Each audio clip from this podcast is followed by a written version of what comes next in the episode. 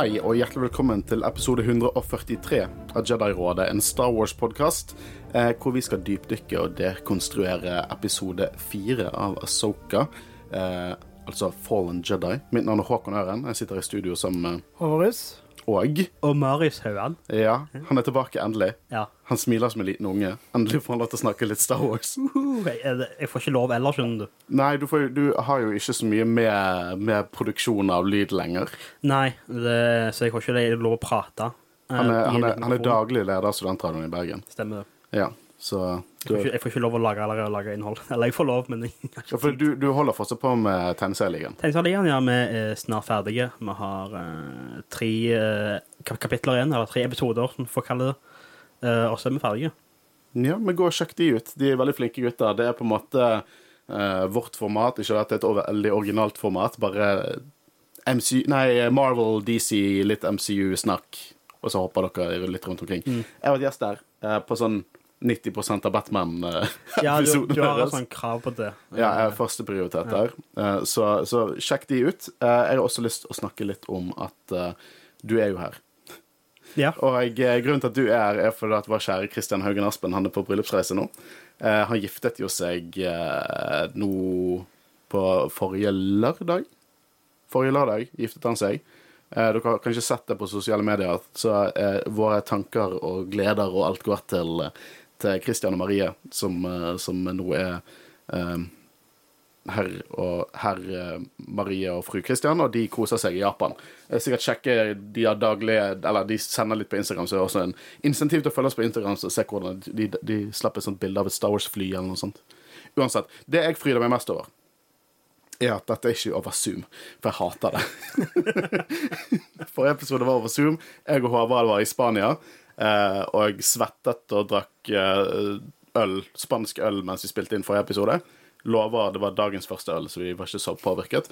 Men uansett, vi er tilbake i studio, og vi skal snakke om episode fire av Asoka Fallen Jedi, regissert av Peter Ramsey. Eh, bedre kjent i Star Wars-universet som eh, regissøren bak Mandalorian The Pirate, som mannen kan sin action, og Into the Spider-Verse. Så gutter, hva synes vi om episode fire Fallen Jedi? Det var eh, nok en eh, knallgod episode, og nok en episode med stort sett bare action. Uh, Så det nesten litt rart, Uh, fordi ikke at jeg klager over at det er mye action, men jeg gleder meg òg litt til å få litt sånne rolige øyeblikk. Og det tror jeg vi får uh, kommer til å diskutere litt. Kom, tror vi kommer til å få litt det i neste uke. Tror du det? Med tanke på den der mid-season, ti kinoer i USA skal ha visning. Jeg tror ikke vi får en rolig episode neste uke. Jeg får, får en heidundrende sinnssyk episode neste uke. Eh, Noen rolige øyeblikk der, i hvert fall, med- basert på det som skjedde i slutten av denne. Jeg tror ikke det skjer så mye den, den, den neste uke, altså. Jeg tror det blir en rolig uke. Ja, det, det er sånn 25 minutters episode. Ingenting som skjer neste uke. Ingen cliffhanger i denne episoden. Ja, ingenting. Men, eh, men eh, holdt på å kalle deg Christian der. Marius. Altså, jeg, altså, jeg kan prøve han Ashoka. Jeg likte det veldig, Ja. veldig godt. Uh, Det er jo en staple. Ja, det er en staple. Uh, nei, jeg syns det var en veldig god episode. Uh, jeg føler han Det blir bare bedre bedre og bedre, føler jeg. Får ta mer i sånn Komme i sin, sin rytme av serie. Og jeg, jeg så takk klokka fire om natta og så det fordi jeg er en uvanlig person. Da var vi på vei til flyplassen. Så. Ja, så jeg bare jeg synes det var veldig, veldig bra. Uh, action var skamgod. Ja. I hvert fall det, og jeg, noen av de bedre duellene jeg har sett i hvert fall live action Star Wars siste siden filmene. Jeg vet ikke, jeg sier det hver gang jeg ser en ny duell, men eh, det var jævlig god action. Jævlig god action. Og ikke bare den siste store duellen, der eh, vi helt klart får se, eh, får se hvorfor den ene stansen i Jedi Survivor er kraftig undervurdert, for den er jævlig badass, med Bale and Skull eh, og Asoka. Men det var bare utrolig mye kul action. Dette var en action-heavy episode. Um, en lang, ganske lang episode for å være så actionfokusert. De fleste actionepisoder er sånn halvtime, da vet du at det er mye action. Uh, men denne var 40 minutter, men det inkludert rulletekst. Men jeg, jeg syns det var uh, bare sånn location der. Synes det, var, det bare oste stemning. Space samurai. Sabine fikk på seg hjelmen og hadde liksom Mandalorian action. Dere vet jeg liker Mandalorian, så jeg bare syns det var helt konge. Og selvfølgelig noe sinnssykt som skjer på slutten. Men vi skal, vi skal, vi skal slutte å på en måte dyppe tærne våre i det. Vi skal hoppe inn i hele, hele verden utenom vår verden, som er Star Wars. Skjønt? Var den god? vi skal hoppe vi skal, vi skal dekonstruere Asoka Part 4, Fallen Jedi. Men uh, før det, kanskje Marius kan få lov til å bevise sin uh, Altså at han gjør seg verdig å være her. Så bare plugg oss litt på Instagram. og sånn. Ja, så gå på uh, Tegneserieligaen uh, på Instagram og følg de. Det var ikke det jeg ba om. Ikke det. Å ja. Gi de rådet. Instagram. Ja. God, gjør det. Gi oss en rating på Spotify og iTunes og, og alt det der. Vi er på 238 ratings på Spotify. Eh, hvis vi når 400 innen eh, året Jeg tror ikke vi får et hus av Christian, men vi, får Christian til å gjøre noe sinnssykt hvis vi får Hvor ofte går du og ser hvor mange du har? Og minst to ganger om dagen. Ja, Bare sånn det er en løgn. Minst fem ganger om dagen. Det, det er gøy, sant? Det er gøy. Eh, men gjør det. Eh, nå hopper vi inn igjen, uten at det blir avbrutt av Håvard. Ahsoka Part 4, Fallen Jedi.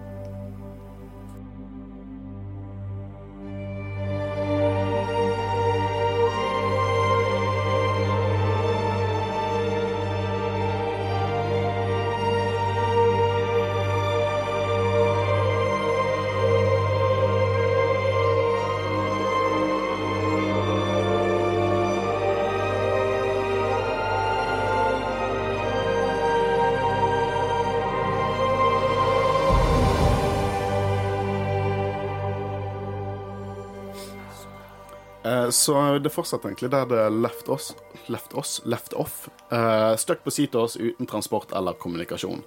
Uh, og jeg, de begynner jo å snakke litt Vet du hva, jeg føler denne episoden um, Det er veldig det er Star Wars. Det er veldig light side versus dark side, sjokkerende nok.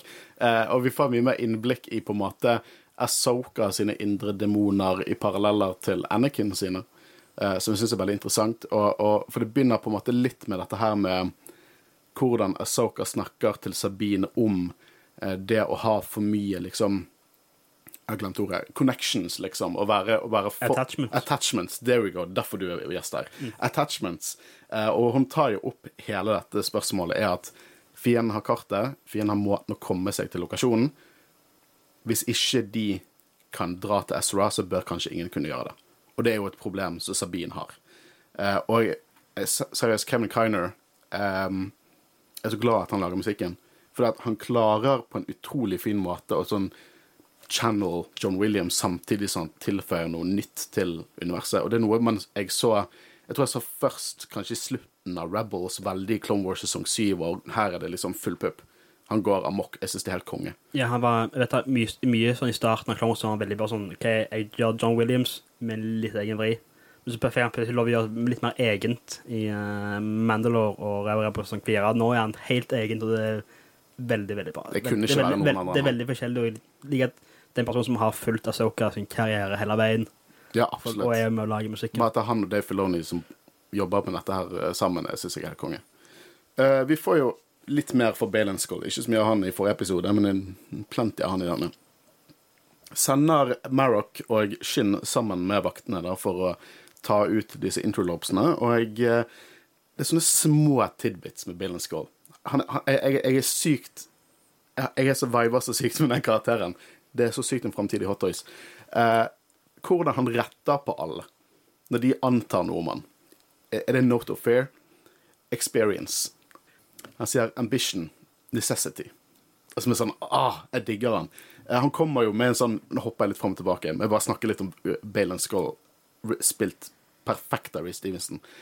Eh, han kommer med, på slutten av episoden med sånn den beste Join Me-pitchen ever.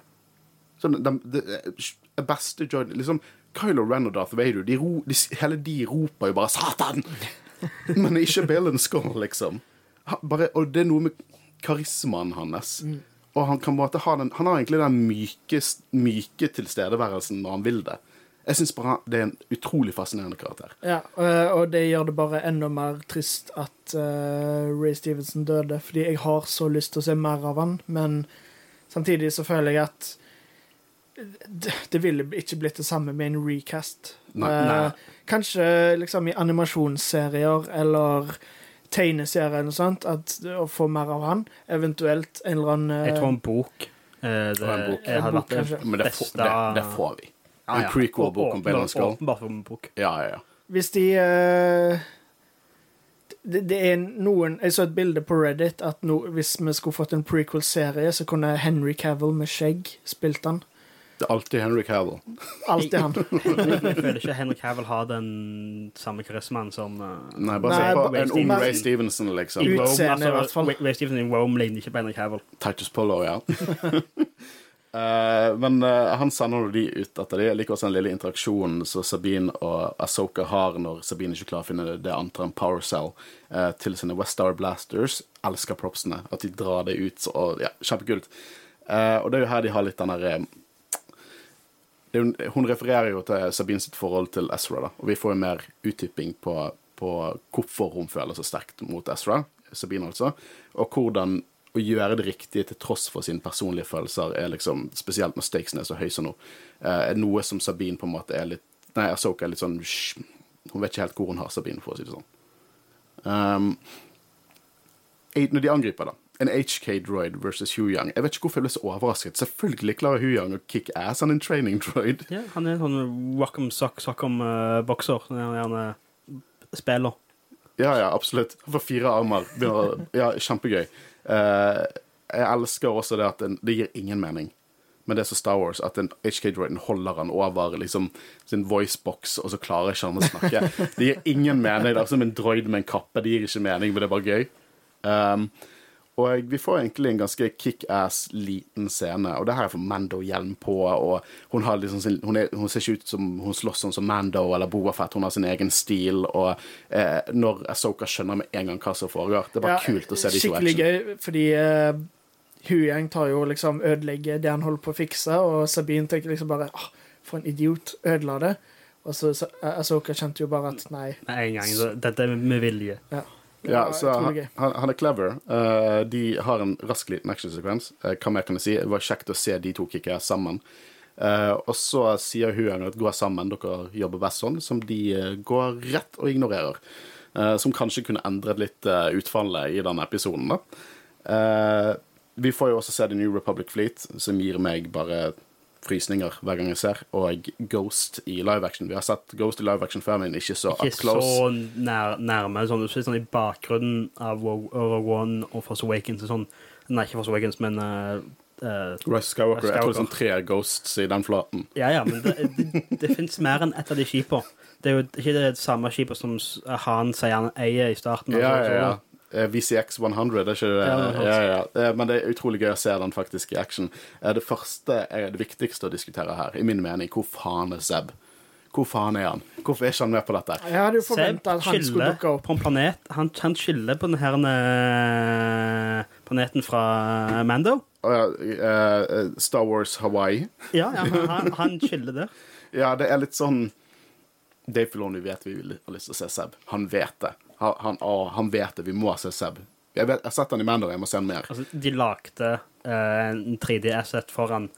Vi kommer til å se han. Jeg tror bare de sparer han til sånn Det er dyrt. Ja, det er dyrt.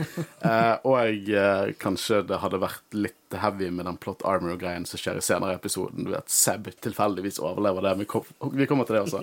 Uh, men vi har jo nå den nye C3PO i Mandoverse, Carson Tiva, som joiner Hera på en sånn rogue. Once a rebel, always a rebel. Jeg syns den linjen var så sinnssykt cheesy i traileren, men det fungerte utmerket her. Eh, for det, hun går jo AWOL. Hun tar med seg Jason Ja, og ta, ta, tar med seg sønnen på et livsfarlig oppdrag. Og jeg lærer han leksen at når du blir general, så kan du gjøre hva faen du vil. Utrolig god lekse å lære sønnen din.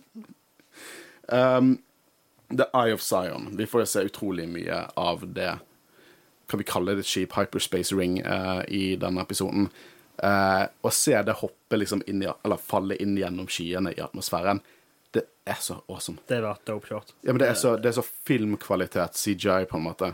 Uh, og CGI har jo vært en stor kontrovers i, i Star Wars-serien eh, siden eh, Kan jeg si Book of Bobafett? Litt i Mando sesong to også.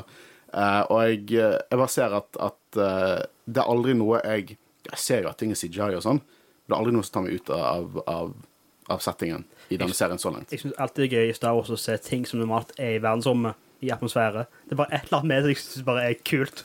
Ja, det, men det, det er rart. Det blir Mando sesong to, når vi sånn båt i vann. Altså båt! uh, så hele dealet er at de må kalkulere hoppet via atmosfæren, slik jeg tolket det, via boccia-kulen. Eh, og uh, hvis de ikke kalkulerer ting helt riktig, så kan de være lost uh, in space. Eller lost in the deep void, som Balen sier. Uh, han, vi får noe mer sånn smug-hint til hans motivasjoner. Der han nevner at han har mistet liksom faith lenge siden. Uh, og jeg, jeg lurer på om det var du som sa noe interessant om at han kanskje ikke hadde lost faith i Jediene. Ja, jeg tror egentlig ikke det. Kanskje ikke jedien eh, generelt, men at han uh, mista litt eh, Kanskje for uh, jedi-ordren. Men òg Det er jo ingenting som tyder på at han forlot før Order 66. Eh, og når han snakker med Asoka om Anakin senere, så føler jeg liksom at han Det er noe bitterhet der. føler jeg. At han er litt bitter på at Anakin ødela Jedi-ordren. Um, Han sier jo du som din mester er har en legacy av death og destruction, på en måte. Så jeg, jeg tror du er akkurat inne på akkurat dette her. Nå vet jeg, Vi har på en måte vært på ferie sammen, så vi har diskutert utrolig mye eh, eh, utenfor og spilt inn, så det er Vi gjør faktisk det til tider. Så jeg vet ikke hva vi har diskutert på luften eller ikke. Eh, Så det kan hende vi, vi gjenforteller oss litt her, men so be it. Nå får vi på en måte en todelt kamp her. Jeg har først lyst til å diskutere Marok, Marok versus Asoka. Brutalt, godt gjennomført. Uh, Marok ser dritfet ut. Igjen en hot toys, eh, fremtidig hot toys i skapet mitt. Please lag Marrock. Ja. Jeg får- veldig sånn Kenobi, Maul, uh, Rebels-vibes. Og, eh, Han er litt lanky. og Asoka mot andre kursiser i den Tales of Jedi. Det er veldig sånn Gidder jeg egentlig å gjøre en innsats? Sånn, jeg bruker bare ett sverd, og så får du bare gjøre din, ting. Men det jeg likte veldig godt i denne kampen, eh, og generelt alle kampene i denne episoden, hvordan de bruker så utrolig mye forskjellige lyder på lyssablene. Mm. Og det er det, det er, Spesielt etter å ha spilt Jedi Survivor, når du customizer lightsaveren der, så er jo det distinkte lyder på hvilken farge du bruker. Uh, og det, det gjør det så utrolig mye mer visuelt og kult uh, combat der. Pluss her også denne her parallellen mellom De representerer egentlig veldig godt light side versus dark.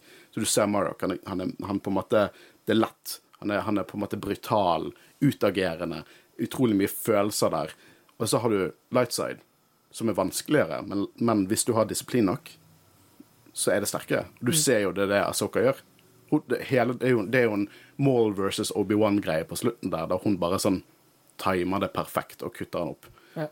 Likte òg veldig godt at um, Asoka venta med å Det var ikke hun som på en måte starta fighten. Hun, hun var, gikk liksom rundt sånn typisk sånn samurai, der de omtrent går i ring med hverandre, og så bare ingen tar det første angrepet, og så plutselig går Marrock på og begynner å angripe, og hun er klar til det, på en måte. Vi har jo sett så langt jeg føler at de veldig den angriper først, så han de ser inn i det som taper. Sabine ang- angriper først i eh, starten, hun taper. Mer angriper først her, han taper. Det tror jeg faktisk. Og én kamp til, så den som Du sier det er altså- Empire Shacks Back, liksom. Ja. Men også er det Er det Luke som igniter først? Det er vel han som igniter først i Luke eh, innakte Jedi. først, ja. Ja. Men eh, ja, jeg tror du er absolutt inne på det. Det er ofte liksom the good guys som kanskje er litt cocky, som igniter først. sant? Og- Only for defense, not for attack. Mm. uh... Jeg skal faktisk trekke inn en lytterinnspill her som var fra Spotify-kommentarer eh, for første gang. Eh, det var kommentert under vår forrige episode. Han skrev eh, 'bra episode, digger innsikten'. Takk for det. Eh, han skriver også men, Eller hun, jeg så ikke på det. Men Marok er jo for er ridderne av det runde bord. Eh, han som ble til varulv forhekset av sin kone. Og Cammy Rebels ble en ulv? Jeg tror ikke dette er Kanan, men allikevel.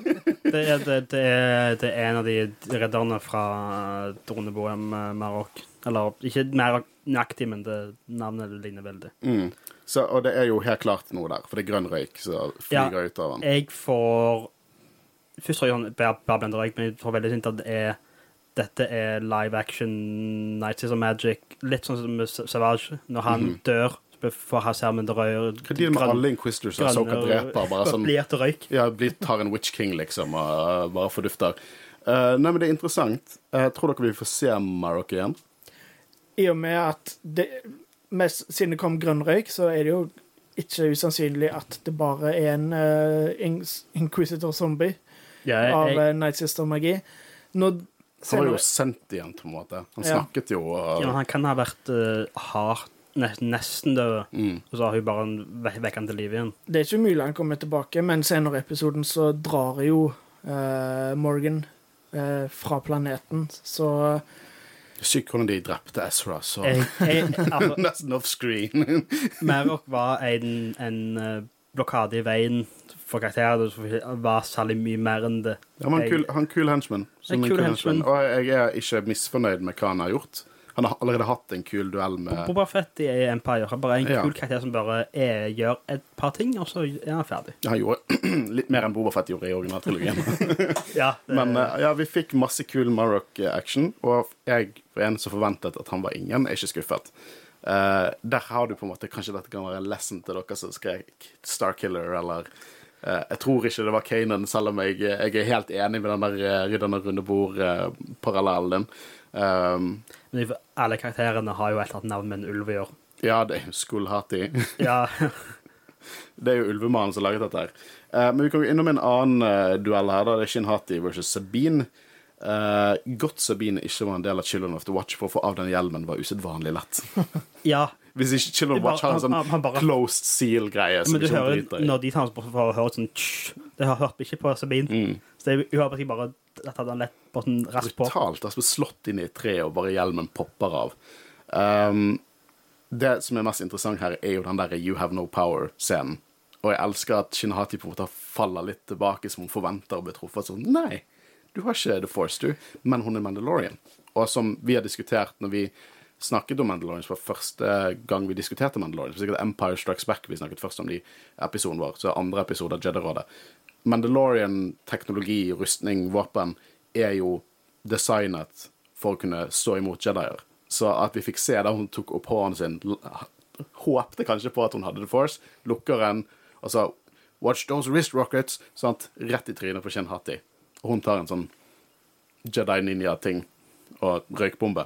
I hvert fall utrolig interessant. Jeg elsker at vi får litt Mando-action med Sabine. Jeg håper vi får se mer av tingene hun har i Rebels. Jeg, jeg får se den pisken, den, den, den røde, den gule, som hun har i eh, Darksaber-arken. Og jeg elsket hvordan de jobbet sammen når hun tok pisken på ene drøyden og så tok jeg Soga og kuttet den av så de trynte den. Eh, veldig gøy å se de to i action sammen. Men grunnen til at vi er her og snakker, det er jo den siste duellen. Det er mange dueller i denne episoden. Asoka versus Balin.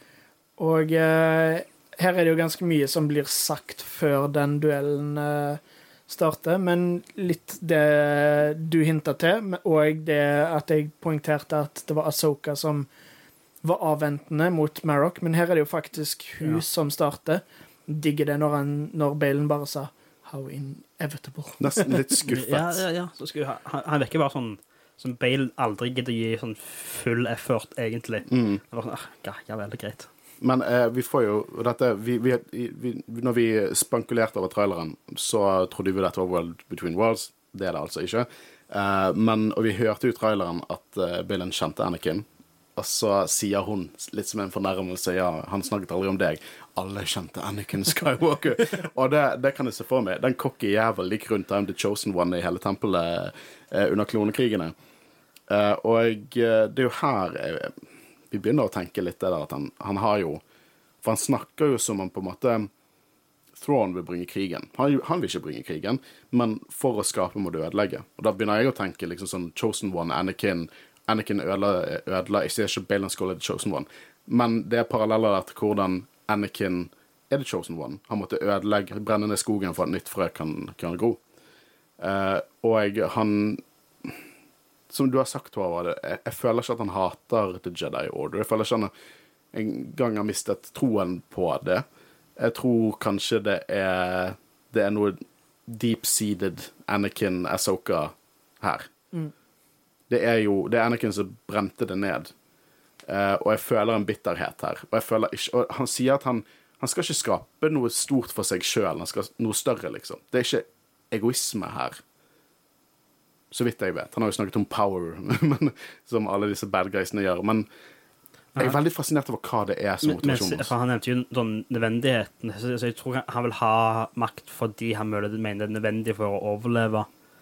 Jeg lurer på om han egentlig bare vil fuck off den andre galaksen, bare bli der. Ja. Bare sånn, bare, altså, Nå er jo de jager månen og sola, skinnskåla og hatti, nå har jeg jakt til en annen galakse, de har jakt en annen Og noen har spilt. God of War Ragnarok. Så nå har, jeg, nå har jeg kommet der, så nå, bare, nå, når de først fanger den, hva skjer da? Og det blir jo til, til å ta han, da. I hvert fall utrolig men han, han skal ha, han skal ha han, hans, sans for drama, for han satte seg ned, tok på hetta, bare venta. Hun kommer. Jeg må, jeg må se kul ut. Jeg må på med hetta. Så jeg, jeg og, og Marius eh, jeg tror det er vi er kompiser utenfor radio også. Eh, og vi, vi, vi spiller mye de samme spillene. Vi diskuterer alltid sånn, det viktige sånn estetikk i sånn Ghost of Sushima og sånne ting. Så han, jeg, jeg tror Balen Skull er our kind of people. Han, ja. han, han, det er viktig at han har på seg hatten. Ja, sant? han må, han må ja, meditere litt. Eh, og jeg eh, Når han begynner Og jeg, jeg bare hadde ønsket han hadde crossguard, for det, det er klart crossguard-stansen for Jedi Survivors er så brutalt og tungt, men samtidig så kontrollert.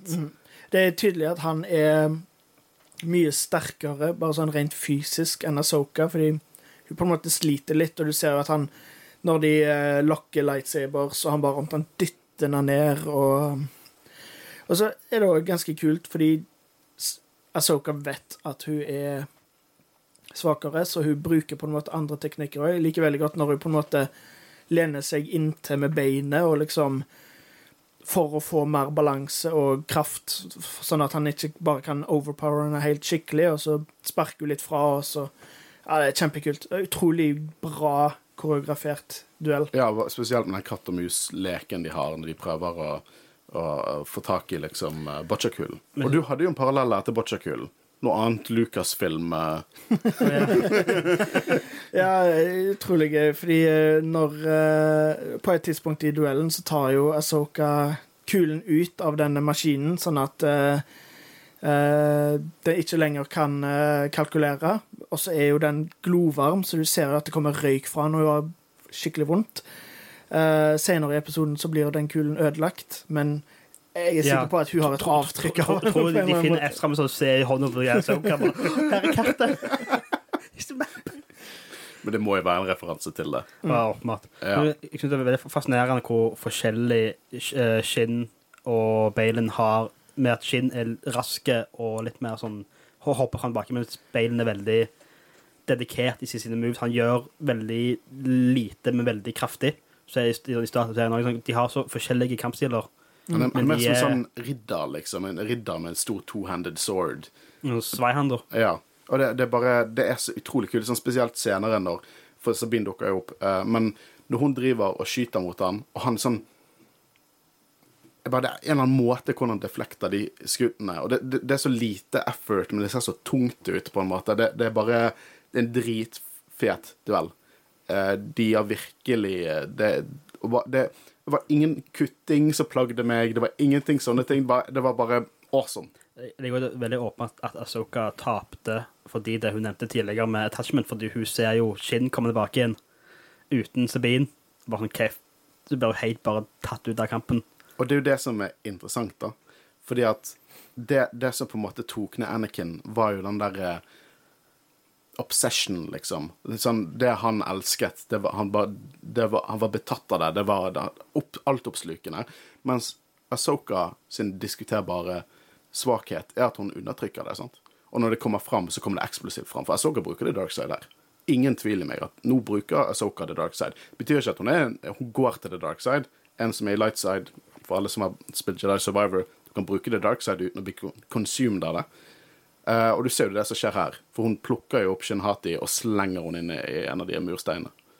Uh, som jeg syns er kjempeinteressant. Og det er en kul et kult lite dilemma som er utrolig lite. Et kult, stort dilemma som er bare passende for Anakin Skywalker sin Padawan å ha. Skulle, skulle tro de hadde noen likheter mellom seg. Ja, skulle nesten tro det.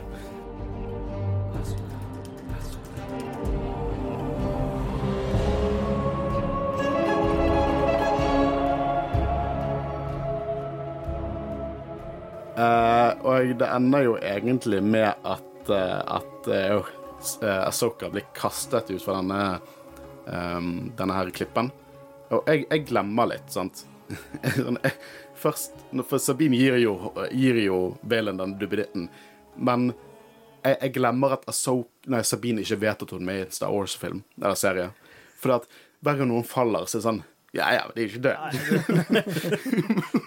Men Sabine antar jo sikkert at Ahsoka er død, som også kan gi forklaring på hvorfor hun føler hun må gjøre det, samtidig som at det er en god pitch.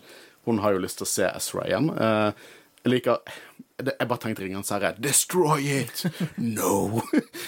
Eh, og uh, Balen Skull Jeg tolket at han gikk Han senset dette, all den informasjonen, på en, på mye mykere måte enn Kylo Ren og Maul og Snoke gjør.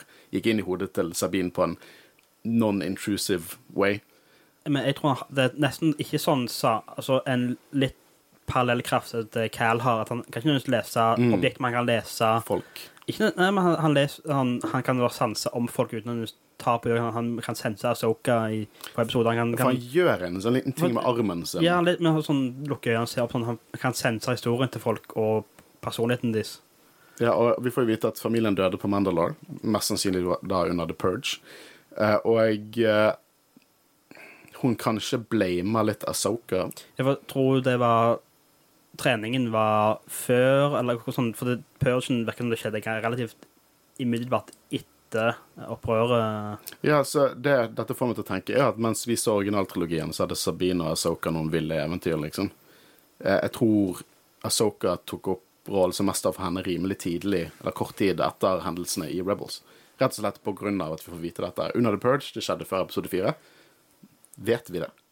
Nei, Det vet, det vet vi ikke. Nei, det vet vi ikke. Jeg, men jeg antar det skjedde relativt fort etter opprøret starta. Men, ja, ja, ja. men så jeg bare lurer på, er det at Det Asoka begynte å trene Sabine etter opprøret for å hjelpe henne? Eller var Sabine vekke fra Mandalore fordi hun var og trente med Asoka? Det var litt det siste jeg tenkte at det Ja, kanskje kunne same. være. Og jeg, eh, det ser ut som virker som kanskje Asoka stoppet henne fra å dra tilbake igjen til Mandalore for å redde familien sin. Så hun har lite igjen. Eh, Og det virker som kanskje mm, underbevisst blamer Asoka litt for det. Og det eneste hun føler hun har igjen, er jo Ezra. Mm, Hun kunne jo følt det over Sabine og Seb og alle de andre, men Ezra.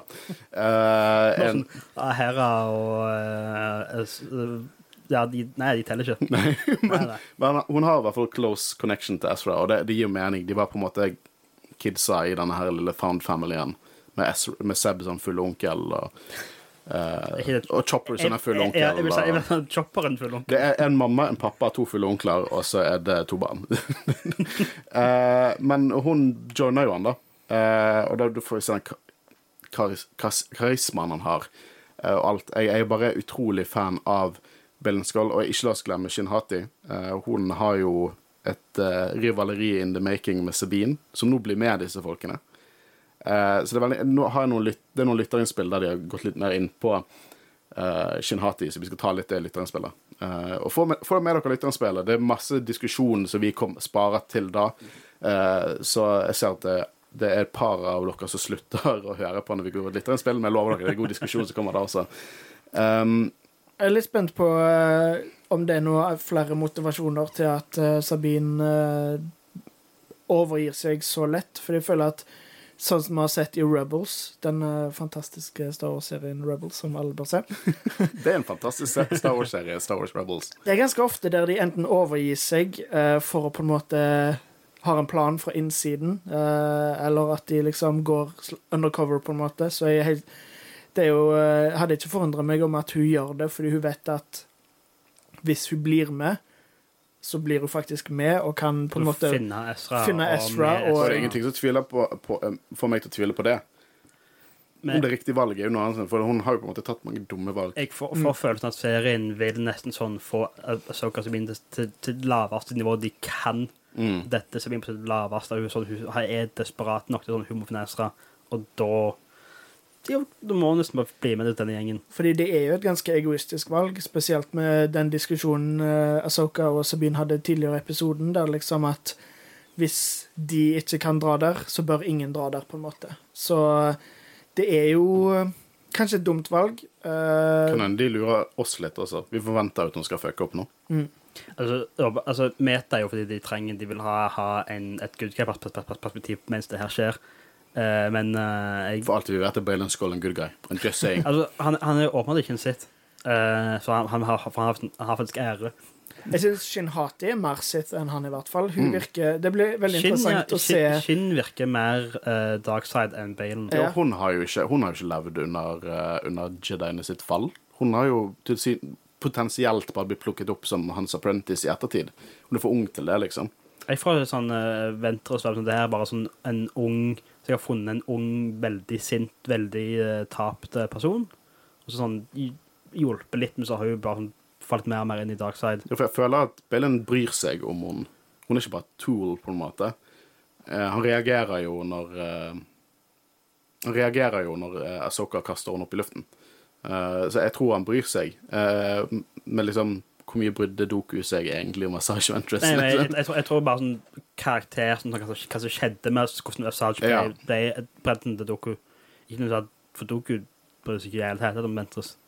Ja. Og det er jo veldig interessant på det når Fordi eh, han eh, lover jo eh, Sabine at hvis hun blir med, og sånn, så, så skal hun gå unharmed for det. Og så prøver jo uh, Shinhati å, å kvele Sabine, da, men istedenfor på en måte gått vekk fra det, så sier han liksom Ja, jeg lovte henne at du skulle gå, så Ja. release her now, på en måte. Mm. Så jeg er veldig um, spent å se hvordan forholdet deres utvikler seg enda mer, da. Ja, jeg er så sykt hy- hypet på neste episode, som visstnok kommer til å være en stille episode med bare dialog, Ja. ifølge Håvard.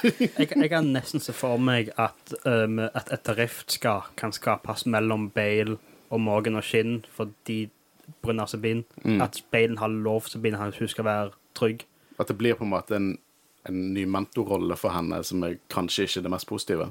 Nei, mer det at, at Morgan og Shin kanskje vil drepe Sabine, men at Balen setter sånn foten Mm. ned og kanskje får et skille der. Det hadde ikke overrasket meg. Du ser jo også Morgan uh, ser litt snodig på hvorfor i helvete de har tatt med den Man Mandalorian på Eye of Zion.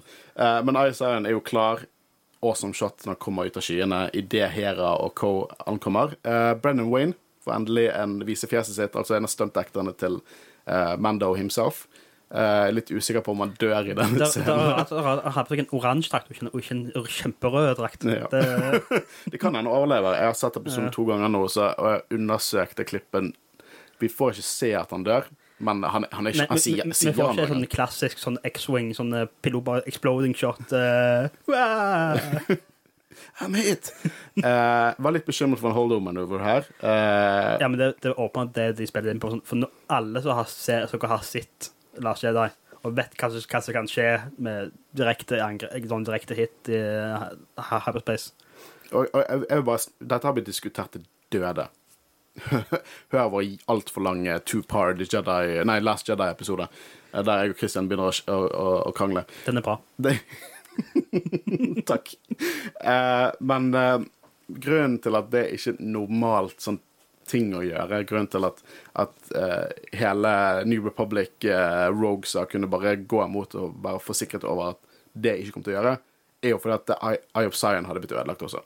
Hvis han kolliderte i de, så hadde han blitt ødelagt. Så det, det som skjer her, er jo at Eye of Zion klarer å hoppe til light speed før det treffer de. Og så for meg at siden det er en svær sirkel i midten, at det skal bli litt, litt sånn eh, bølg, svær sånn bølge. Ak akkurat når et skip drar i vannet, så får jo bølger så får store, store sånne Jeg husker ikke hva det heter. Sånne bølger som faller bak skipet og slår utover. Mm. At det er det vi får fra den ringen i midten. Så bare krasjer alle skipene.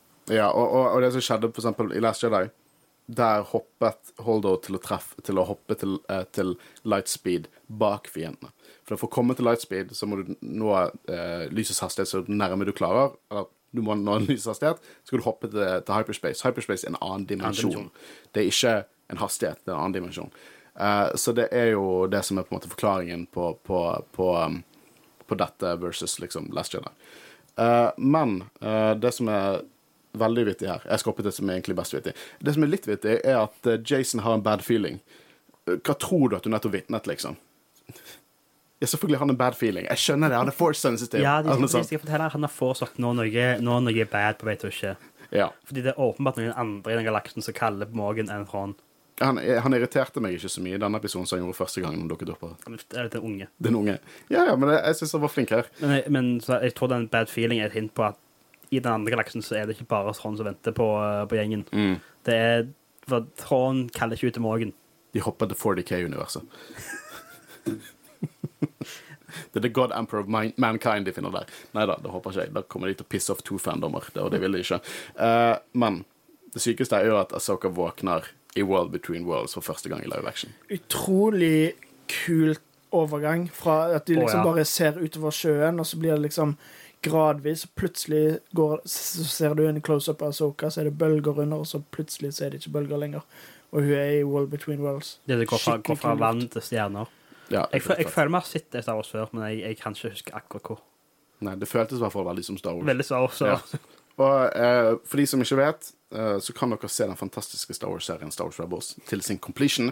For da går de veldig inn på World Between Worlds. Eh, hva er det, da? Det er på en måte en annen dimensjon med pathways til ulike store tider Altså- i universet. Det er på en måte et vindu inn til andre Jeg ser det på som et, et aspekt av The Force, fordi det er veldig tydelig for meg at vi ser ikke Walls Between World bare i sesong fire av Rebels, vi ser han òg når S. Rasmussen snakker med Yoda. Mm. Så er han i World Between World, så han bare, det bare ser forskjellig ut. Og når han er der alene for uh, Kyber-salen det er òg World Between Worlds. Det bare ser, det bare en annen versjon av det. Det bare ser forskjellig ut. Ja, jeg tror det, det ser forskjellig ut for hver, hver person. Det Alle, tror jeg også. ser noe egent og forskjellig, og det er veldig personlig. og det som er interessant du sier der, er jo det at det som er din World Between Worlds, er at det kan godt hende at, at Yoda i den scenen snakker med Ezra i to forskjellige tider. Det kan være før, det kan være etter, for alt vi vet. Uh, de la, dette her er ikke sånn time travel som i veldig mange andre eh, popkulturting. Skjebnen har skjedd. I, I Rebels, den fantastiske Star Wars-serien, når, når Ezra går inn og henter Asoka, så har det allerede skjedd. Ikke det alltid. Det har, det har alltid skjedd. Det har alltid skjedd. et låst system. Skjebnen Det får som bestemt dette skal skje. Det har alltid skjedd. Kan Ja. enda på hva som har skjedd. Harry Potter 3. Det, det, det, det er sånn time travel Ja. fungerer der. Det, det, det har allerede skjedd. Folk har allerede gått tilbake igjen i tid, selv om de har tenkt å gå tilbake igjen i tid. Det er det som er på en måte paradokset der. Eh, som gjør det veldig interessant når vi hører Hey Snips, og vi ser en uh, Revenge of the Sith-æra Anakin Skywalker, spilt av Hayden Christiansen, med litt dodgy eh, CGI ung, men eh, det, det gikk fint. Jeg ville gjette her bare sånn det, Han kommer til å være neste episode. De har brukt litt mer tid på neste episode enn de har brukt på denne. Ja, men jeg synes det, det var helt, helt fine. Ja, jeg syns det så bedre ut her enn han gjorde i Kenobi. Ja, Kenobi så han bare ut som han var 40 år gammel. Ja, Med den braiden bare. Det passer ikke helt, men det er fint. Eh, men ehm, det er jo det at altså, Så avslutter episoden, og det ga meg en tåre. Det, det er få ting i Star Wars gir meg en tåre, men dette ga meg en tåre. Kanskje litt fordi vi nettopp så vi så bare, Jeg og Håvard satt jo og så siste Ark of Clone Wars uten å måtte researche noe. Det var nydelig når det var litt overskyet i Spania. Veldig gøy å høre Hayden si Snips. eh, Ja. Vi vet jo at Hayden har sett Clone Wars, han har researchet. Han har sikkert sett Rebels også. Eh, så det er utrolig kjekt at han har enda eh, mer å gjøre i Star Wars etter Kenobi er ferdig. Eh, og det avsluttes med Imperial March i subtitles, Vaders theme. Og det får meg til å tenke, for at World Between Worlds, dette er ikke nødvendigvis en Force Ghost. Dette for alt vi vet Og nå, nå spekulerer jeg, og da sp- spankulerer med stor spank det kan være Anakin himself. Og det kan også være Anakin himself etter han har drept et par dusin younglings. Jeg får følelsen at det er Vader, om dette er Vader Altså at Forskåst viser ikke måten personen kjenner dem. Derfor han ikke går i hvit eh, kappe du, tror, du, tror det er, for, du tror det er Force Ghost? Jeg tror ikke det er et Forskåst, men dette er Enten så er det Asoka sin egen kjenning av Altså det er en, en intern visning av Hayden. Altså, altså, det er ikke Anakin sjøl, men det er hvordan Asoka ser Anakin. Det var vel sånn han så ut sist hun så Så Anakin. kan- så Anakin. Som Anakin, ja. Eller at, at jeg føler de kjører litt lett at det er Anakin. Men Jeg bare sier For det misforstår meg 100% rett. Jeg tror at det er mer det dere sier. Jeg tror det er mer der. Men det er World Between Worlds. Og vi vet at, at uh, pappa Palpatine har klart å access til World Between Worlds, så der kan det jo være OK, eh, Vader, hvis du dreper de younglingsene der, og så bare kommer du til kontoret mitt rimelig kjapt, så skal vi bare fikse noe annet med hun der apprenticen din. uh, men jeg tror jo det som skjer her, er jo det at Asoka må gå gjennom akkurat det Ezra gjorde. Du har tilsynelatende muligheten til å endre, endre skjebnen til din mester, og så må du akseptere at du kan ikke endre det. jeg tror det er her hun, hun må komme til at det var OK at hun forlot Anakin, At det, derfor jeg tror det er Anakin, fordi sånn Anakin mer eller mindre sånn tilgir hun Og hun må tilgi seg sjøl Mm. for at hun gikk fra Anakin. Og at det var ikke kun derfor han ble Darth Vader. Hun var ikke sånn, det var ikke hun som skapte Vader, det var masse annet som hadde skjedd. Og Papin hadde ikke hatt drept henne hvis hun ikke hadde forlatt orden uansett. Og at, uh, så jeg tror det kommer til å skje at hun, hun må komme over den humpen der. Mm. Så jeg tror så har følt hun helt siden, og derfor er hun litt sånn litt mer dyster enn det folk forventer av- av Nå er hun 30 år eldre, så det er ikke så rart. Så. Akkurat det du sa der, det er noe vi har diskutert litt òg, at Asoka har utvikla seg og er en eldre person og alt mulig sånn, men jeg føler òg at i det lille øyeblikket vi så av Anakin i slutten her, så ak akkurat som noe med liksom, kroppsspråket hennes, og at hun, hun følte mer Clone Wars. Ja, hun føltes yngre ut. Nei, Mm. ikke, ikke, ikke Yngre og mer glad, på en Ja, måte. ikke, ikke sånn hvordan hun ser ut, hun er fortsatt Ahsoka, men det var nesten som om hun på en måte senket skuldrene. Og, jeg må tenke også til liksom, denne kritikken Ahsoka har fått. og Vi går også litt inne på lyttersegmentet, men det at hun på en måte ikke Hun er så eh, Hun er på en måte er så stiv og på en måte så kald og sånn. Men Jesus Christ, vi så Clone Wars, siste ark Clone Wars. Hun er rimelig eh, seriøs og stern til og med da. Hvor gammel er hun da? 15-14? Altså, hun, hun har åpenbart sånn stengt alle vegger rundt seg. Mm. For hun ja, for, altså, Det tror jeg hun gjorde allerede i Clone Wars, men hun gjorde iallfall etter Rebels, når hun visste hva som skjedde med Anakin. Hun bare sånn, har bare stengt seg selv inne, egentlig. Men jeg tror vi får en åpning nå. Og det, altså, det er jo Dave som har skrevet alt det her. Og ingen som kjenner Sokka bedre enn Dave. Yeah, Så jeg, jeg, er sånn, jeg tiltro til at det er bare en, det er jo en karakterark vi må ha. Vi må ha en ark her, kan ikke bare ha snips hele veien gjennom. Eh, det jeg vil se, da, neste episode, er at eh, Anakin bare facer rom til Vader i full drakt, og vi får se live action Vader versus Ahsoka. That's what I want.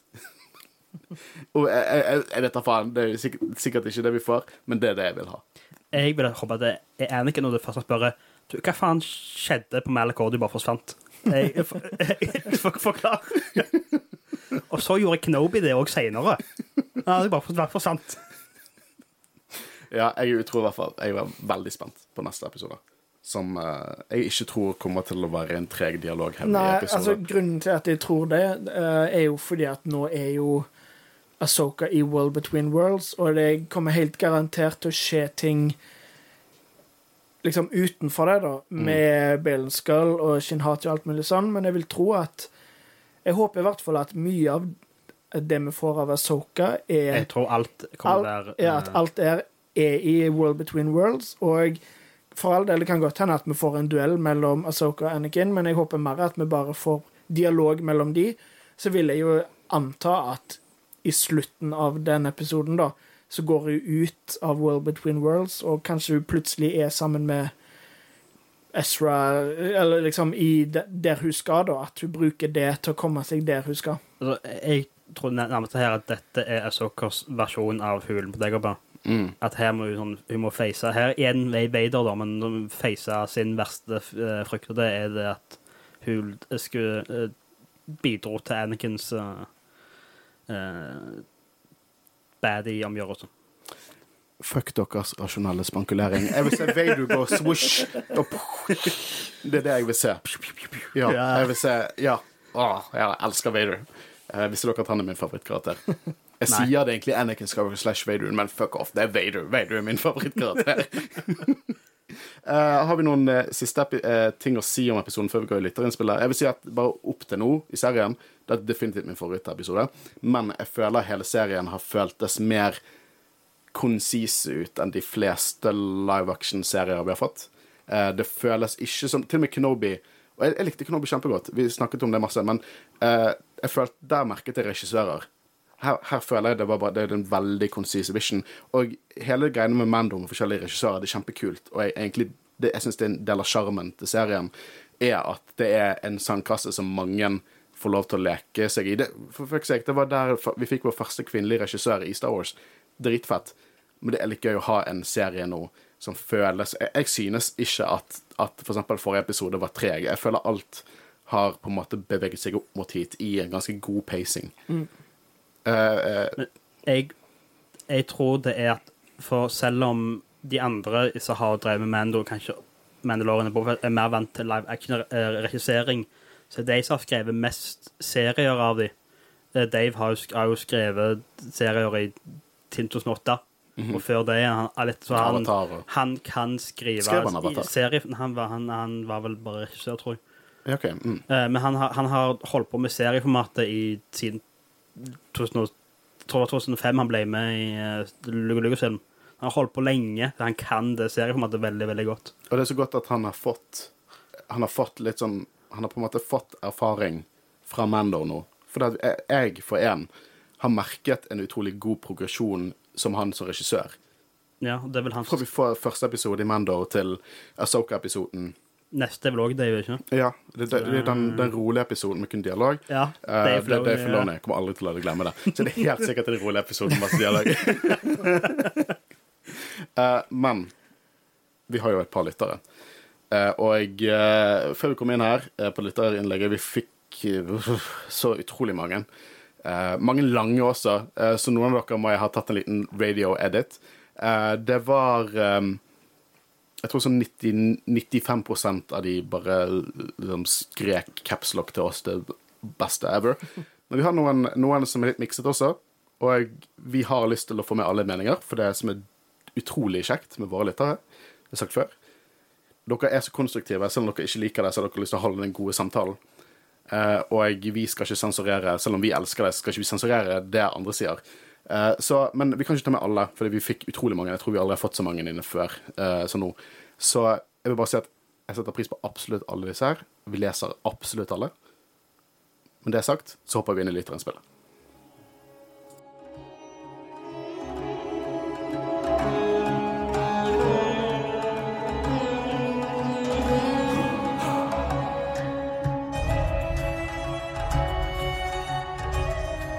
Skyguy og Snips møtes for første gang i live action.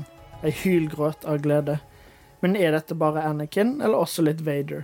Han hadde jo tross alt Vaders lightsaber, og Imperial March spilte i bakgrunnen. Du trenger ikke å researche dette, Marius, for jeg har sett det. Jeg har, Jeg, jeg, har, kommet inn der. Du jeg har har det? bildet sjøl. Jeg har sett det er veldig åpenbart hans egen Ja. Det er bare han ser Fordi den delen i midten, den som, der, eh, den som stikker ut Den er aldri Den- den- den er sølv sølv. på Vadersen. Så han bare ser sort ut fordi han er i skygge, men det er Anakins vanlige Graflex-saber. Det er det. Så det er Eh, den lightsaberen ikke som en- blir Luke sin? det er ikke en MPP5 uh, eller MPP-lightsaber. Han kan lightsaberne sine.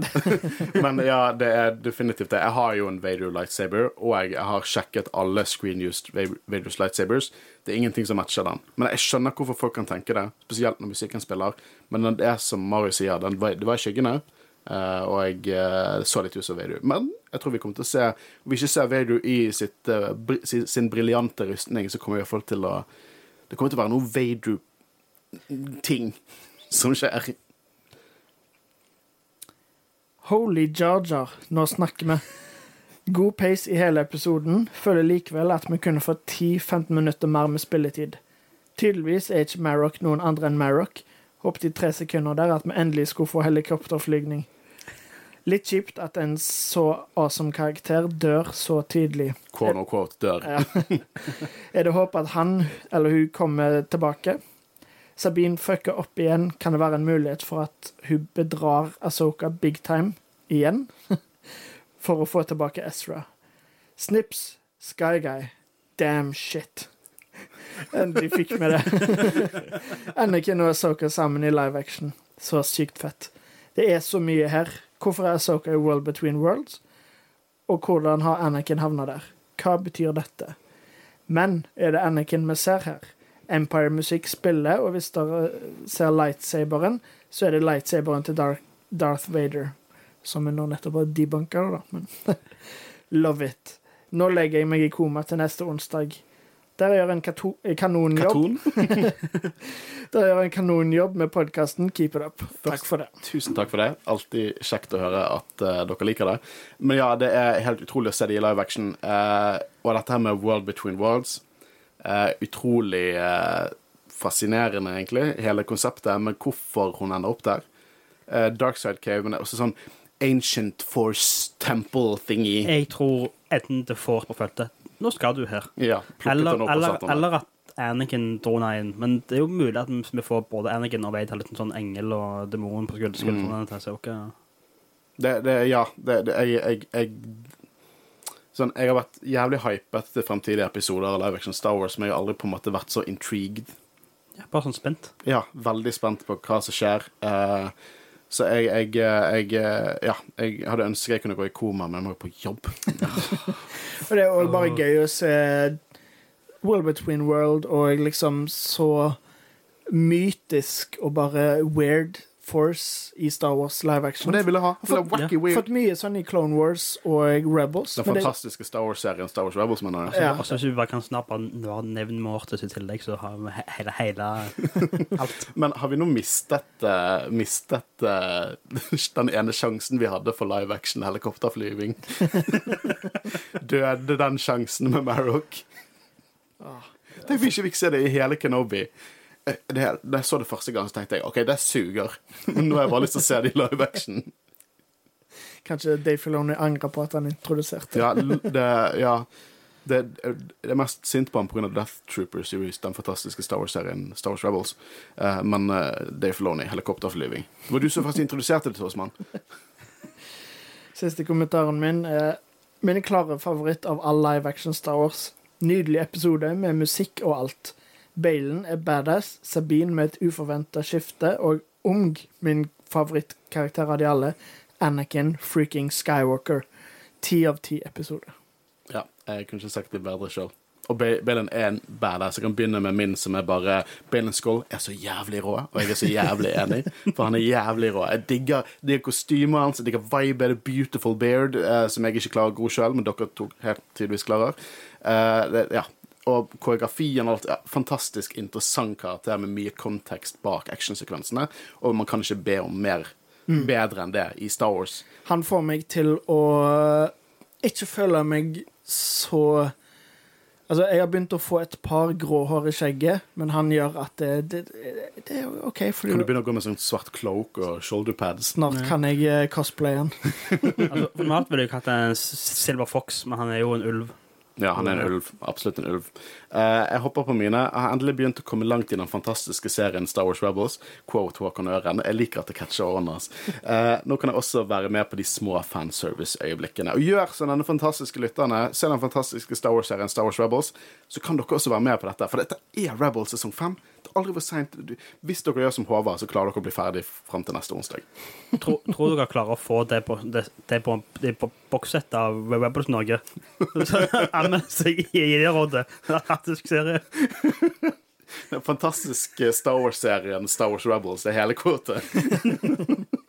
um, når Carson kaller Hera for Phoenix Leader hjerte, hjerte, hjerte, elsker hvor mye de tar inn fra tradisjonell japansk sverdkunst. Eneste jeg ikke har klart å venne meg til ennå, er en droid som blinker emoter og myser. ja, det er weird, men det er cute. Jeg syns det er cute. Om ikke 3PO av og til blinker. For jeg, jeg føler meg som masse droider som blinker før. Ikke, hende. ikke noen 3PO. Jeg ikke det. Jeg føler meg som en droid blinker før. Ja, det har vi nok. Men jeg tror ikke vi kan se en droid som er klart av sånn sad Nei, face. men nå er Hugh en 25 000 år gammel, så det er ikke så rart at han kan gjøre Nei. ting. Han, kan. Eh, litt rart, men funny. Fortsett, den, fant- fortsett det fantastiske arbeidet dere gjør. En fryd for øret hver dag og hver uke. Tusen takk for det. Det setter vi utrolig pris på. Jeg vet ikke helt om vi fortjener det. Jeg blir rødma litt, liksom. Nei, det, Men ja, eh, seriøst, den der Kendo samurai-viben med liksom cherry, red cher cherry forest-thing. ja, bare. Star Wars og de er litt mørkere, så jeg har så trestammene sort istedenfor. ja, ja. Dark. Nei, Og så- skrives de med tre e-er og en h mellom r-ene. Star Wars. Ja, er, der har du det. Der du, star, du har overført det til Star Wars nå. Du burde skrive for det. du. Men ja, jeg, jeg digger det. Jeg digger musikken og hvordan de trekker inn veldig sånn samurai-vibe. Eh, og det er jo ikke mer Star Wars enn samurai-sverdkamp. Sånn, den første bokadaptasjonen av Star Wars som kom ut før A New Hope, det var basert på skriptet, der går de fullt inn på det. ja, altså, altså ikke Mind's Eye eller Splinter, men du mener bokadopsjonen? Ja. Okay, ja. Den, eh, den som eh, tolv folk leste. Uh, og det var før Star Wars egentlig var en ting, men der er det sånn type sånn De kutter raskt, og så glir overkroppen av det, i kantinaen med, med Kenobi. Um, jeg hopper inn på neste. Hello Snips. Fy fasan for en episode. Jeg var ikke så hypet på episode tre når den kom ut, men det ble så mye bedre når jeg har sett episode tre og fire back to back. Sykt kule lightsaber fights. Balen Skull blir bare bedre og bedre. Digger kampstilen hans. Litt stiv i kroppen, men veldig kraftfull. Ja, det, det, det jeg liker også. Han på en måte det, det ser litt effortless, men mektig ut. Jeg, klarer, jeg vet ikke om jeg klarer å forklare det mer. Men det, det at han er litt stiv. Det, det er veldig sånn formål i de musa han gjør. Ja. Han gjør ingenting uten sånn å ha et mening med å Det Det er ikke fancy, liksom. Nei, det er veldig sånn tenkt, sånn påtenkt. Dette Ja. gjør jeg med vilje. Og lyden når han igniter lightsaberen, var så sykt old school. Dope. Han er virkelig en massiv motstander. Ja, forresten, eh, de, eh, de la ut en video av pop- pop- popser popser på YouTube, og hans light- lightsaber ser dope ut. Du ser en sånn close-up. Ja, det. Han har sånn to sånne fangs på toppen. Vi skal vel til Celebration. Du var jo med til Celebration, så vi, da blir det nok lightsaber hunting da også. Oh, ja, ja, ja. Eh, og håper de har skrevet en god slutt for han i denne sesongen, slik han ikke må skrives ut av serien sesong to. Når Sabine gir fra seg kartet, kan jeg forstå henne. Synes det ble klassisk Star Wars-øyeblikk. Trekker paralleller til da Anakin trodde han skulle redde Padme fra døden, og derfor valgte å følge Palpatine. Fikk frysninger og rykninger på slutten da Anakin dukket opp i World Between Worlds, og vi avslutter med Imperial March. Neste episode er vel regissert av Dave Filoni. Om vi gleder oss. Ja, om vi fuckings gleder oss. Jesus Christ. 28 minutter med snakking. Er bare 28 minutter lang. Altså, det, det er 38 totalt, men hvis du tar vekk eh, Previously On og rolleteksten, Så 28. Jeg tror jeg vi nærmer 28. Vet du hva, jeg, jeg, jeg går gjennom den der hver, hver jævla Star Wars-serien og sånn, jeg vil ha mer. Eh, men foreløpig så har jeg aldri hatt noe problem med pacingen i noen av disse episodene. Eh, men ja, jeg, jeg liker det du sier om å trekke paralleller til Anakin. Trodde redde Padme for døden. Og det er litt sånn Hva hadde Når Anakin på en måte reachet ut der og faktisk uh, var eh, mm, delvis grunnen til at Mace Windu ble kastet ut av et vindu, eh, så, så jeg har alltid tolket den scenen at nå, nå, det, det, er ikke noe, det er ikke noe vits mer. Nei, han- valget er tatt for meg nå. ingen vei tilbake igjen. Ja. Når han setter seg ned oppi nettopp, nesten det, Du kan trekke Nå vet jo vi ikke helt motivasjonen til Sabine, og vi har diskutert det. Men det kan være noe lignende her. Sabine vet ikke at hun er med i Star Wars. For alt hun vet, er Sabine Nei, Asoka død. Så utrolig spent på neste episode. Bare det at de har sluppet eh, en, en egen sånn mid-season poster og skal vise den på kino i USA. Ja, eh, litt slemt, og dagen etter episoden kommer det til å bli en plakat med Hayden bare midt i plakaten. Ja, Jesus Christ, ass, du må være jævlig kjapp. Disney forventer, forventer at du skal se episoden sånn, liksom. Ja, Nå kommer han jo ut sånn eh, på kvelden i USA, ikke, Ja. ikke mye på natta. Sånn, det Sånn, mer så ser han med en gang kommer ut i USA nå. Ja, det endrer egentlig ikke så mye for oss. For oss. Nei. Jeg, jeg da jeg kommer hjem på Det endrer døgnrytmen din. Det Ja, for det det jeg, det. for jeg, jo- jeg er jo på jobb til fire, så jeg kan jo se når jeg kommer hjem. Så det er jo gøy. Kjempetrøtt. Ja. Eh, og her er vi fra en ny lytter, ikke ny lytter nødvendigvis, men en som sender den inn for første gang. Så velkommen eh, til deg. For en fantastisk episode av Soka. Det var en opplevelse i seg sjøl at vi fikk se både Hayden som An eh, Anakin igjen, og World Between Worlds. Jeg har et spørsmål angående Marok. Hva tror dere egentlig skjedde med han? Elsker dere å gjøre med podkasten. Håper dere fortsetter. Og vi slutter ikke. Vi, vi, er, vi har masse mer Star Wars å dekke, og tusen takk for det. Nå har vi snakket litt om, om dette med Marok, da. Men eh, jeg er liksom spent på om han kommer tilbake. Jeg tror egentlig ikke at han gjør det. Jeg har en, jeg akkurat en veldig rar Det er en karakter i The High Republic som er en Jedi, men han har ikke en kropp som er Det er bare sånn vann, mer eller mindre. Han har sånn containment suit han går rundt i. Veldig likt en karakteren Gendai. i, eh, i Nei, ikke Gendai. Vel, mer eller mer tenkt Tales of the Jedi? Nei, nei, i High Republic. Oh, ja, men Eh, det- Tenk han i eh, Hellboy, han, han Jeg skulle til å si Hellboy. Han, eh, Så du på Hellboy-comicen min? han, han, han som er bare gass. Det er en Ja, ja. lignende Jedi i High Republic. Professoren. Ja. Ja. Men det er også en kan kalle High Republic som er en Jedi. Så det kanskje mer bare er gass. og det Han bare sånn- blåser seg opp på de sånne der, eh, Du vet det der inflatable Ja, han eh, reklamefolkene. Tenk det med lightsabers. Eh, Her er vi en annen her, og eh, du er en kjenning eh, og sender inn alltid gode greier til oss. Jeg måtte ta en liten radio-edit, for det var, det var veldig mange lange vi fikk denne gangen. Men jeg tar med det jeg føler i hvert fall vi kunne diskutere mest. da. Og det er Asoka ligner mer på seg sjøl, men fortsatt doserende og irriterende. Hun blir fremstilt som et barns forestilling av hva en voksen er. Mekanisk i bevegelsene, fargeløs i språket, ute av stand til å registrere annet enn den konkrete oppgaven hun har foran seg. det tror jeg har, har med å gjøre hvordan dialogen er skrevet, og ikke nødvendigvis plott eller skuespill. Uansett. Dette er hovedproblemet mitt. Jeg digger Asoka, men hver gang hun dukker opp her, så dør scenen. Hun er så forbanna kjedelig å se på, og det irriterer meg. Det er litt mer fra han, men vi kan diskutere dette litt, da.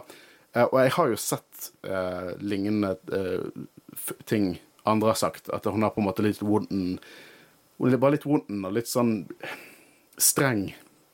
Det er liksom ikke den, den hint av glede som på en måte Asoka alltid skal ha hatt. Jeg synes jo at dette på en måte er en Asoka vi skal se vokse i løpet av denne serien. Jeg føler vi allerede har sett hun vokse. Altså, det, det er akkurat som så, så Luke i Lars Jedi, det er en karakter som har gått gjennom veldig, veldig mye. Og må, de kan ikke bare ha en, en Altså, dere starte med å være et snipp, så vi må bli litt u, Trenger en karakterark. Ja, men nå, nå, nå sier jo denne, eh, denne lytteren at, at eh, det er mer dialogen, da. Eh, Ikke nødvendigvis det mørke stedet hun er på. Jeg, jeg kan skjønne eh, hvorfor du mener det. Eh, og ja, for det, alle meninger er jo lovlige, og jeg, jeg, jeg kan forstå det, men jeg bare Jeg tenker veldig på sånn siste ark av Clone Wars. Jeg tenker veldig Rebels, Asoka versus Vader. Jeg tenker på alt hun er med, og jeg, hver eneste lille sånn smil og sånn hun kommer med noe. Eksempel når Huyang sier 'go together', og så sier hun 'we're going', og så himler hun litt med øynene. Bare, Der kom Snips fram, sant. Eh, så jeg, og jeg, det vi snakket om når hun dukket opp i World Between Worlds nå, der vi så at hun på en måte mistet litt garden, det prøver å si, altså, jeg tror det er en hensikt bak dette. Altså, du merker jo allerede i Rebels er hun markant mer streng enn du er i Clone Gandalf the White. Det er liksom, Ja. Der ble trukket inn eh, før med Asoka. Men eh, det virker jo som du Det er det som skjer nå, åpenbart. Men hun eh, det, det, det er synd at eh, du ikke liker Asoka, eh, eller karakterens fremstilling. Det virker som du liker Asoka generelt, for du hopper inn på det positive du likte nå. Eh, Balin Skull og Shin er fete. Balin er opplagt fet, men det virker som Shin faker selvtillit iblant. Hun er liksom både liten og usikker, men clean gæren samtidig. Jeg det synes jeg er spennende. Tror ikke hun deler Balins sentimentalitet overfor jediene, noe som ikke er så rart. Hun har jo ikke vokst opp i Jedi-tempelet. Aner en konflikt her òg. Og så avslutter han med PS. Nå er de på vei. Judas, Jigglypuff og Jabba the Hutt er spent på å se Thrawn og Jabba sånn han er fremstilt i den fantastiske serien Star Wars Rebels, så alle burde se, så klart. Uh, ja, og jeg likte veldig godt Um, det er faktisk ikke uh, Jabba. Det er Lando. Ja, Lando Det er opp til diskusjon. Det er opp til diskusjon. Hva som nerder dere er. Eh, men jeg likte veldig godt din take, eh, kjære lytter, på Shin Hati. For det, jeg tror du right on the money. Det er det der fake it to make it. Og det gjør hun mer unpredictable, på en måte. Eh, så jeg vi må få en sånn skikkelig sånn avsluttende duell mellom hun og, og Sabine, på en måte. Eh, Jeg, jeg, jeg er veldig fan, mer fan av denne duoen av skurker enn jeg trodde jeg skulle være. Eh, for når jeg først så dem, var sånn det var, Designet skrek ikke så mye ut til meg. Det var ikke sånn. Men for meg er det ofte sånn at design Design tre- tiltrekker meg veldig til Star Wars. Det var det første som gjorde meg til Star Wars-fan. Hvem faen er Boba Fett? Liksom, Holy shit, den TV-visoren! Det var det som fikk lille Håkon inn i Star Wars. Men for eksempel Kylo Ren. Jeg digger Kylo Ren, men jeg først så designet, så syntes jeg det var uinspirert. Ja, det var småkjedelig. Ja, og så så jeg det i action, og så var sånn ah, jeg, Og det samme skjedde med Shin Hati og Bill Skull, liksom. Altså, jeg var fan fra øyeblikket vi sto på gulvet i Celebration, og så kommer først uh, Ivana Sanko, som spiller Shin Hati, og så kommer Ray Stevenson etterpå og bare Yes, det er gøy. Jeg tror ikke jeg fikk med meg det. Det er jeg veldig lei meg for. Nei, du, du var ikke der når Mads og Ray var på scenen? eller? Nei, jeg tror ikke det. Du, du fikk med deg Dave, Dave så gråt. Fikk med Dave som gråt. Det er som sagt mitt min favorittøyeblikk fra Celebration. Når han eh, takket fandomen. Ah, det sier så mye om god Star Wars, det. Eh, men takk, eh, og jeg igjen setter utrolig pris på at dere også sender inn når dere ikke liker noe, sånn at vi kan diskutere det. det og dere forklarer det. Så jeg setter veldig pris på Og beklager, om jeg måtte ta en liten radio-edit på, på innspillet ditt. Du skriver mye, og du skriver godt. Eh, Eh, nå hopper vi til eh, de siste. Veldig små greier her. En som sier action litt hemmet pga. the volume, men lovende slutt. Hvordan havnet Asoka der? Eh, vi snakket litt om hvordan hun havnet der, eller spekulerte. Men jeg eh, reagerte ikke på the volume i det hele tatt. Nei. Jeg har gjort det tidligere i sesongen. Akkurat denne episoden, spesielt når de var på en måte inni inne i kartet der, da tenkte jeg litt over det, men ikke noe som tok meg helt ut av det. Jeg fikk litt av skogen. At skogen virka litt sånn Jeg føler hun kunne se at skogen var det volume, men det var sånn, det er sånn hadde ikke visst om det volume. Så hadde jeg ikke merka det. Men you guys så dere var lightsabers der, for det var det jeg så på. Det har kanskje noe med lightingen i The Volume, at når det er mørkt, at det blir litt vanskeligere å på en måte Her også mørkt, men jeg så hva som skjedde. Ja. Men jeg, jeg tror ikke vi får en egen forklaring på hvorfor Soka er i Open Worlds. Nei. Akkurat sånn, sånn når Gandalf blir The White. Vi fikk en forklaring så på om Mando falt eller han ble dratt. Det ned. gjorde vi. Du fikk en shout-out i denne Det episoden. stemmer, det. Men akkurat som sånn, Gandalf blir fra dør og kommer tilbake igjen. på Ja, jeg, jeg kom tilbake igjen fordi Gud sa jeg skulle komme tilbake igjen. Mm. Kinda. Så jeg tror Ja. Ja, det var akkurat det som skjedde i Ringenes herre. altså. ja. um, her er den siste her, som jeg viber veldig med. Det er kriminelt å avslutte der. For en tårevåt ending det ble. Han sa snips! Ja, det, den, hele den setningen viber det kjempe, kjempemye, for det er faktisk kriminelt. Jeg, jeg viftet hendene mine mot TV-en og sa nei! Why? Det er faen meg ikke lov, ass. Eh, Jeg hadde sjekket sånn hvor mye, mye, mye var igjen. Og så sånn det er Litt igjen. Hva skjer nå? Og så var det rolletekst. Men jeg, jeg bare, jeg bare visste, visste Anakin dukket opp. En gang så bølgen, jeg vet ikke hvorfor, men en gang så bølgen, ok, Anakin dukker opp nå. Uh, Guro, min forlovede, hun, uh, det, det, hun har en sånn ting med at hvis hun ser en serie eller en film, og så ser en, en skuespiller som hun tror hun har sett i noe annet, så må hun ta på pause, og så må hun sjekke IMDb for hvor hun har den skuespilleren fra. Det skjedde med han der løytnanten som måtte lyge for Hera. Så hun gikk inn på episoden, fant løytnanten og bare Åh, fuck, Aiden Christiansen med i denne episoden.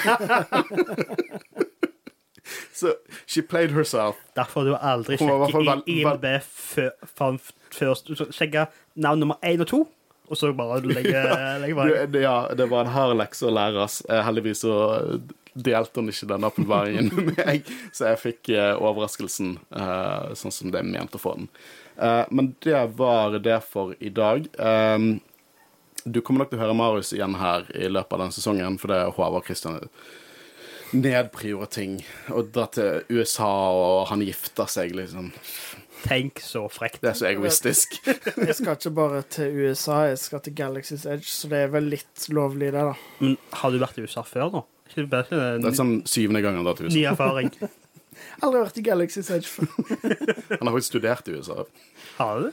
Ja, eh, som Håvard eh, reiser overalt i verden. Han er verdenskjent.